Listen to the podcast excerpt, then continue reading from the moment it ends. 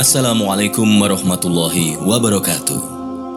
Story Menurut Kamus Besar Bahasa Indonesia, artinya adalah dongeng, kisah, atau cerita.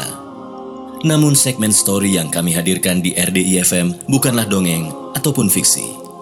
Story yang ini adalah sekelumit obrolan menginspirasi yang menyajikan obrolan santai dengan tokoh-tokoh dari berbagai macam latar belakang profesi, bisnis maupun komunitas.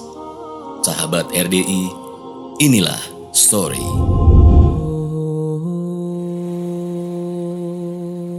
Assalamualaikum warahmatullahi wabarakatuh. Sahabat RDI Kembali lagi kita masuk di program Story.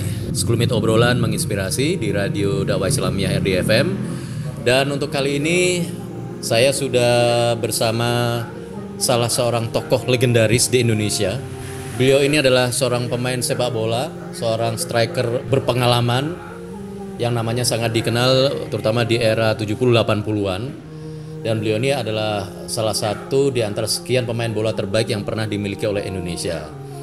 Yang jelas pernah uh, beliau ini kemampuan lari dan tendangannya sangat luar biasa, terutama untuk anda yang dulu uh, pencinta sepak bola di tahun 80-an ya pasti tahu sekali. Beliau ini sering mampu mengecoh lawan sehingga mampu menjebol gawang lawan dengan kecepatan larinya. Saya pernah baca itu katanya 10 detik per 100 meter itu saya nggak tahu ngukurnya gimana itu ya. Yang jelas uh, saya saat ini sudah bersama Bapak Hadi Ismanto. Assalamualaikum Pak Hadi Ismanto. Waalaikumsalam warahmatullahi wabarakatuh. Pak Hadi Ismanto ini luar biasa sekali ya. Saya ingat Pak Hadi Ismanto ini pernah menjadi top skor Galatama ya kalau nggak salah Pak ya. Jadi dia mencetak uh, skor ter, tertinggi pada waktu itu pada sekitar tahun 7980. Waktu itu masih bersama klub Indonesia Muda ya. Baik, nah kita ingin ngobrol-ngobrol tentang tentang dunia sepak bola dari Pak Adismanto dan juga kehidupan beliau saat ini karena ada sisi menarik yang bisa kita peroleh ini dari obrolan-obrolan ini. Pak Adismanto, berapa tahun sih sebelumnya berkecimpung di sepak bola ini kalau di total ini seluruhnya? Sudah sampai sekarang ini mungkin sudah 40 tahun lebih kemarin kami juga reunian dengan kawan-kawan yang di di Kelat Salatiga. Dulu kami itu dikumpulkan sama para pemain seluruh Indonesia di di Kelat Salatiga yang dilatih oleh Bapak Will Culver. Hmm. Itu terdiri dari 71 uh, wakil-wakil dari seluruh Indonesia yang dilatih di Salatiga dan tujuannya waktu itu hanya untuk membentuk tim pre-olimpik tahun 1976 yang direncanakan di Montreal, Kanada. Tapi waktu itu hanya dua yang bisa lolos yaitu saya sendiri dan Suhatman. Itu tahun berapa tadi? Tahun 75 76, Pak. 76 ya. Iya. Sebenarnya jadi Pak Hadismanto ini uh, pertama kali uh, main bola ini ya yeah. yang di klub itu tahun tahun berapa ini awalnya dulu? Awal sekali itu saya ikut klub itu di IM Surabaya. Ya, itu waktu Indonesia itu kalau ya Indonesia Muda Surabaya kira-kira ya tahun 60 60 70-an ya. Itu saya ikut di anak gawang Indonesia Muda. Mulainya itu dimulai kelas SMP. Itu SMP ya, mulai SMP berarti ya. Tapi tertarik sepak bola sebetulnya mulai kapan? Ya itu dari saya kecil karena rumah saya itu uh, di asrama angkatan darat. Di mana itu? Di, di Surabaya, Surabaya di Jalan Brawijaya itu ada lapangan namanya lapangan Ayak gitu namanya. Ayak sekarang itu lapangan Brawijaya namanya. Iya. Tiap hari tiap hari lihat orang sepak bola ya. jadi tertarik ya. Dulu itu di angkatan darat itu ada kompetisi antar apa ya namanya antar bagian ya. Setiap hari Sabtu itu ada kompetisi jadi saya bisa nonton lama-lama saya kepengen juga main bola ya. Hmm. Akhirnya bisa masuk klub itu gimana ceritanya? Ikut klub itu dulu kalau di Surabaya itu ada klub sepak uh, klub anak-anak bola itu sedikit sekali ya di tempat saya itu nggak ada, adanya di Indonesia Muda di Pacar Keling kalau nggak salah itu latihannya seminggu sekali. Dan di, dulu itu nggak bayar latihan sepak bola itu. Jadi setiap setiap pema, setiap anak itu ya kepingin jadi pemain bola ya dulu kan itu SMP atau SMA itu SMP sudah SMP itu ikut sepak bola di Indonesia Muda itu hmm. harapannya itu ya karena sering kita dengar-dengar sepak bola persebaya itu maju ya kita kepingin jadi pemain bola yang baik. Dulu cita-cita cuma pengen jadi pemain sepak bola persebaya ya. kalau nggak ikut klub kan kita nggak bisa ikut jadi pemain bola persebaya pak. Nah itu awalnya dari Indonesia Muda, kemudian akhirnya berapa klub nih Pak? Akhirnya Pak Hadi Ismanto ini yang pernah dimasuki sama Pak Hadi Ismanto ini? Ya, saya adalah anu dari kecil sampai pensiun main bola itu klub saya tunggal IM. Jadi ceritanya waktu saya di IM terus memperkuat Persebaya, memperkuat Persebaya pada tahun 19 sesudah ikut dari uh, diklat sepak bola itu terus pulang bisa jadi pemain Persebaya senior dan pernah membawa Persebaya juara divisi utama tahun 1977-78. Dan pada tahun 1977-78 itu mulai ada Galatama. Galatama itu liga utama sepak bola, seperti profesionalnya di Indonesia. Harapan saya waktu itu saya bisa ikut Galatama dan ikut jadi pemain PSSI untuk jembatan saya bisa menjadi pegawai di suatu perusahaan. Kebenaran Galatama IM itu belakangnya itu Pertamina. Jadi saya jadi pemain Galatama bisa jadi pegawai di Pertamina. Oh iya iya iya. Nah itu tahun berapa itu Pak? 79 80-an itu. 79 80 itu saya sudah bisa jadi karyawan di Pertamina. Kebenaran di Pertamina waktu itu uh, jadi pegawai bisa jadi pemain sepak bola jadi ngerangkap waktu masih main bola ya main bola tapi kalau kerja ya kerja Jadi kalau di kantor nggak nggak main bola ya? di kantor nggak main bola di sepak e kafe koncone. nah, Pak Hadi, ini kalau dilihat nih pemain bola pada tahun-tahun sekian itu, apakah mereka itu bisa hidup dari bola, Pak? Atau sebetulnya gimana, Pak? Kondisinya kalau dibandingkan sekarang ini ya? Kalau sekarang pemain bola, sepak bola kan gajinya gede-gede itu, Pak.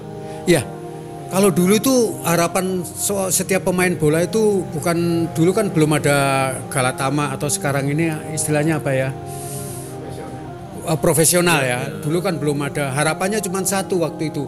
Kalau bisa jadi pemain Persebaya atau pemain PSSI itu bisa kerja di pegawai negeri atau di BUMN. Jadi salah satu jembatan. Jembatan, batu loncatan lah Batu Pak. loncatan, ya, harapannya itu Pak. Kebenaran ya saya juga bisa waktu itu pakai batu loncatan jadi karyawan di Pertamina. Tapi selama jadi karyawan itu tetap ya berprestasi di bola tetap terus ya. Iya. Perusahaan juga ngasih kesempatan waktu itu di Pertamina juga dikasih bahwa kalau bisa tetap prestasinya bisa apa itu eh, jadi pemain nasional kan. Jadi membantu juga kan BU perusahaan itu membantu untuk kesebelasan nasional. Nah, Pak Adismanto, dulu kan mencetak gol terbanyak ini waktu Galatama tahun 1980 Galatama pertama ini ya. Itu berapa ini? Bisa diceritakan tentang itu? Ya, saya dapat satu kompetisi itu saya jadi top scorer itu 22 gol. Bersaing dengan Mas Risdianto yang 21 gol. Akhirnya da- saya dapat eh, sepatu bola emas, Pak. Ya. Itu emas beneran atau Sepatu tapi dilapis emas gitu, Pak. Dilapis emas. Tapi piala itu adalah bergilir, Pak. Bergilir untuk tahun berikutnya itu nanti yang dapat yang cetak skor banyak. Untuk tahun kedua saya eh, kalah sama Samsul Arifin ya.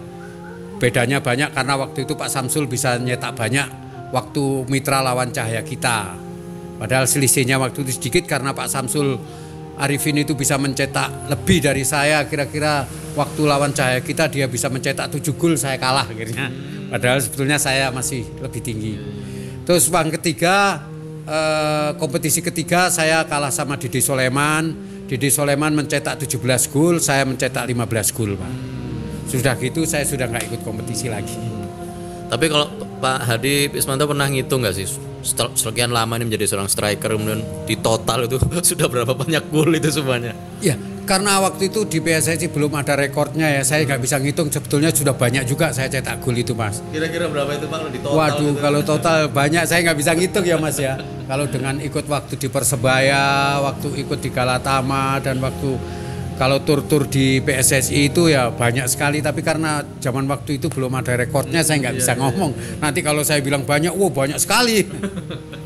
Nah, it- eh, Pak Hadi itu gimana sih dulu kok bisa jadi salah seorang striker dan larinya paling cepat paling gesit gitu gimana? Tapi memang benar itu karena rekornya eh, kecepatannya 10 10 detik per 100 meter. Enggak, enggak sebetulnya bukan 10 Mas. Waktu itu saya pernah karena waktu itu cepat, ya cepat waktu itu pernah siapa itu pelari nasional tuh Caroline, Caroline Rilupasa itu pernah nantang saya tuh ayo Adi kita lari di Central Band gitu wah ya kalah om kamu pelari itu bilang enggak kalau lihat kamu larinya kenceng di lapangan. Ya tapi kan saya lari pakai sepatu bola kamu pakai spice aku bilang gitu. Ya paling ya sekitar 11 setengah atau 12 lah ya. Itu pun kalau sudah main bola itu udah cepet itu mas. Kalau pelari kan memang larinya di Central Band kalau kita kan di lapangan mas. Iya. Pernah main di luar negeri di mana aja nih Pak? Ya kebetulan saya waktu itu PSSI masih masih gampang ya. Setiap tahun itu kita kalau ada kejuaraan gitu setiap dua tahun sekali itu kita bisa juga tur Eropa. Saya sempat sempat juga ke tur Eropa tahun 1976. Juga sempat ke ya hampir seluruh dunia ya sudah saya cuman hanya yang belum itu apa ini Amerika karena waktu itu Amerika nggak ada main bola Oh iya, kan Pak. Dan sempat juga waktu itu saya main di Arab Saudi juga sempat juga umroh ya.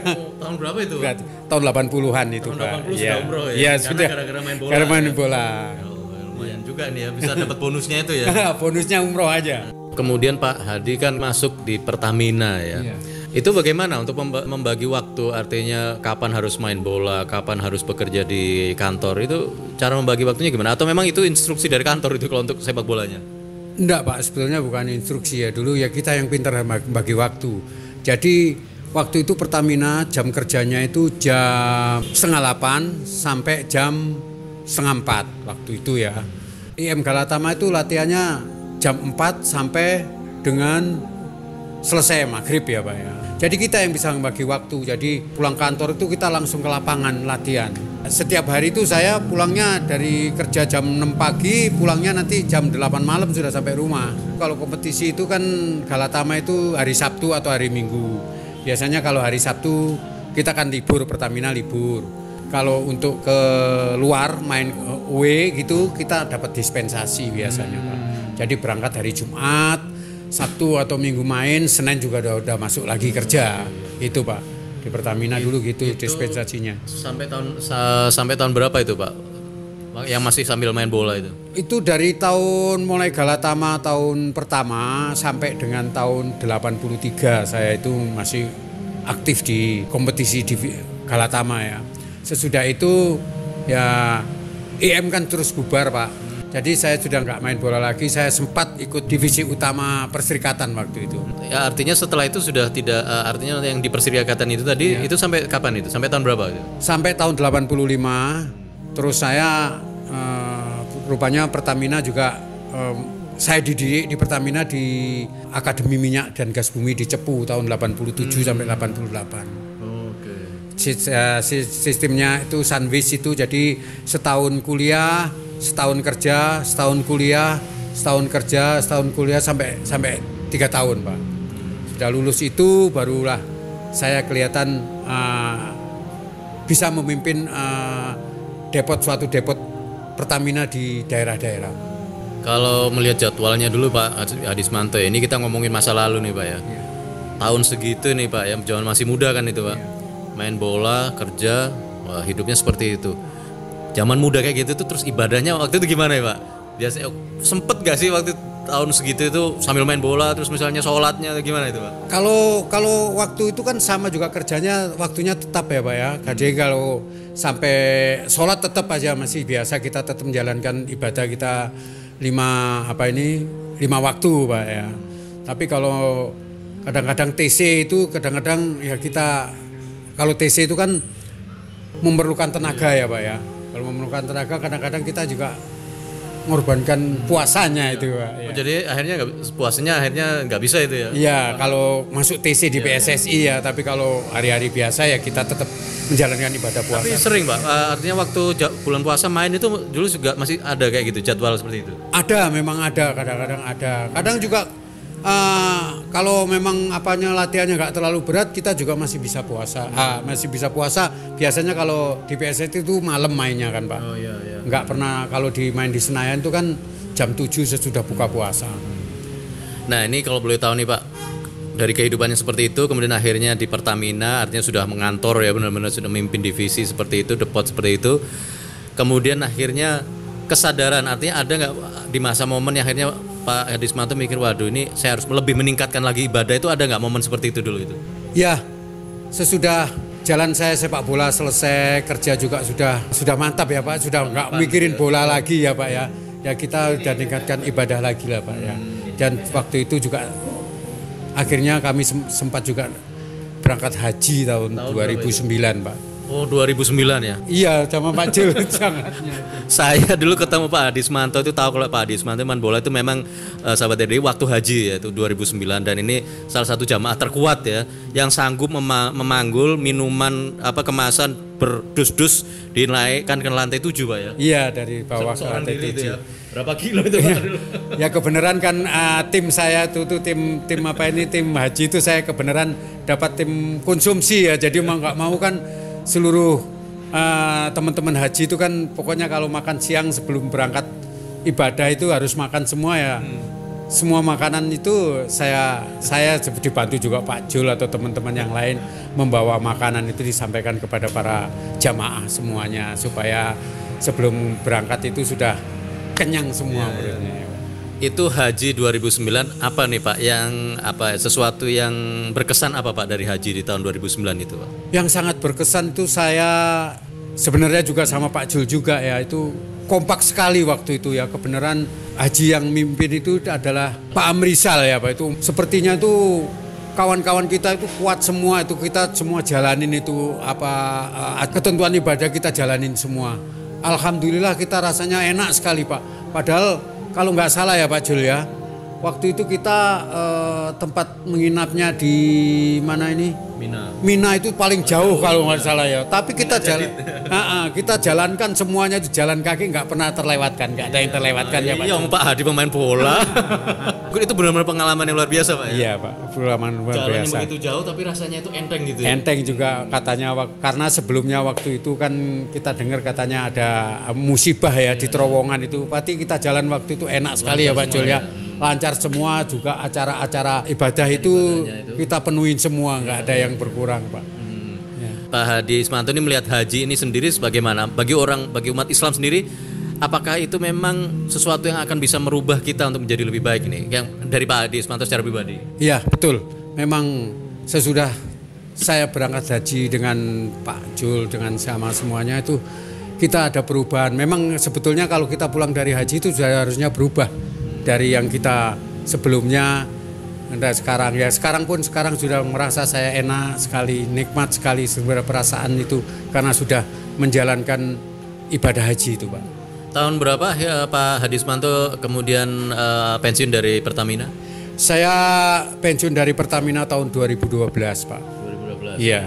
Sekarang sudah enam tahun saya menjalani pensiun dan saya rasa sudah saya jalankan ini dengan tenang saya sudah. Kalau nggak salah di tahun-tahun sekian itu juga pernah eh, divisinya Pak Hadi Ismanto juga pernah meraih penghargaan ya. Kalau nggak salah apa itu penghargaan Citra Layanan Prima atau apa itu ya? Iya betul Pak. Saya sempat waktu jadi kepala uh, Overson Head atau kepala depot di di Perak itu saya sempat satu-satunya kepala depot yang menerima penghargaan dari Menteri Aparatur Negara waktu itu Pak EE Mangindaan bahwa eh, depot Pertamina itu mendapat eh, penghargaan sebagai eh, depot yang dapat melayani konsumen secara baik. itu tahun berapa itu Pak Tahun 2011 Pak, 2011 2011. berarti setelah haji pulang haji itu ya Iya, setelah pulang haji itu alhamdulillah saya bisa eh, bekerja dengan lebih baik lagi. Akhirnya saya dapat penghargaan dari Menteri eh, apa itu aparatur negara itu. Pak. Nah sekarang kemudian setelah pensiun ini kegiatan Pak Hadismanto sekarang apa ini Pak? Sekarang ya saya tinggal menjaga kondisi dan uh, membina rumah tangga. Iya, membina apa itu main bolanya itu untuk uh, menjaga kesehatan Pak Jul dan ibadah saya ya lah kita tambahin Pak Badrul. Ya. Ini katanya juga sering masih main bola dengan Rektor Brawijaya dengan teman-teman yang lainnya. Iya, kami uh, saya juga untuk menjaga kondisi ini atau menjaga kesehatan saya saya sering main bola di mana ini sama uh, teman-teman di UB, teman-teman uh, Bapak Rektor bantu nemenin bapak-bapak aktor atau uh, dosen-dosen bermain bola di uh, stadion UB yang baru di Dieng atas pak. Oh. Iya.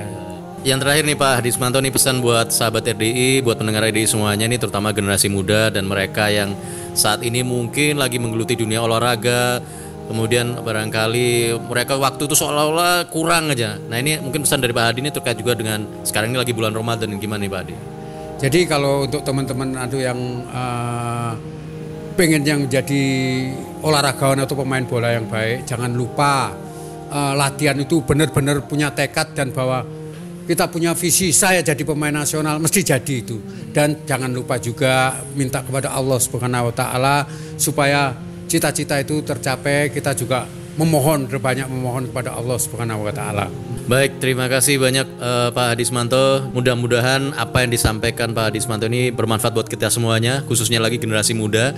Mudah-mudahan juga kita semuanya bisa mendapatkan apa ya motivasi dari obrolan ini. Wassalamualaikum warahmatullahi wabarakatuh. Baru saja kita simak segmen story, sekelumit obrolan menginspirasi di Radio Dakwah Islamiyah RDI FM. Semoga cerita atau sekelumit kisah perjalanan hidup para tokoh ini bisa menginspirasi sahabat RDI semuanya. Wassalamualaikum warahmatullahi wabarakatuh.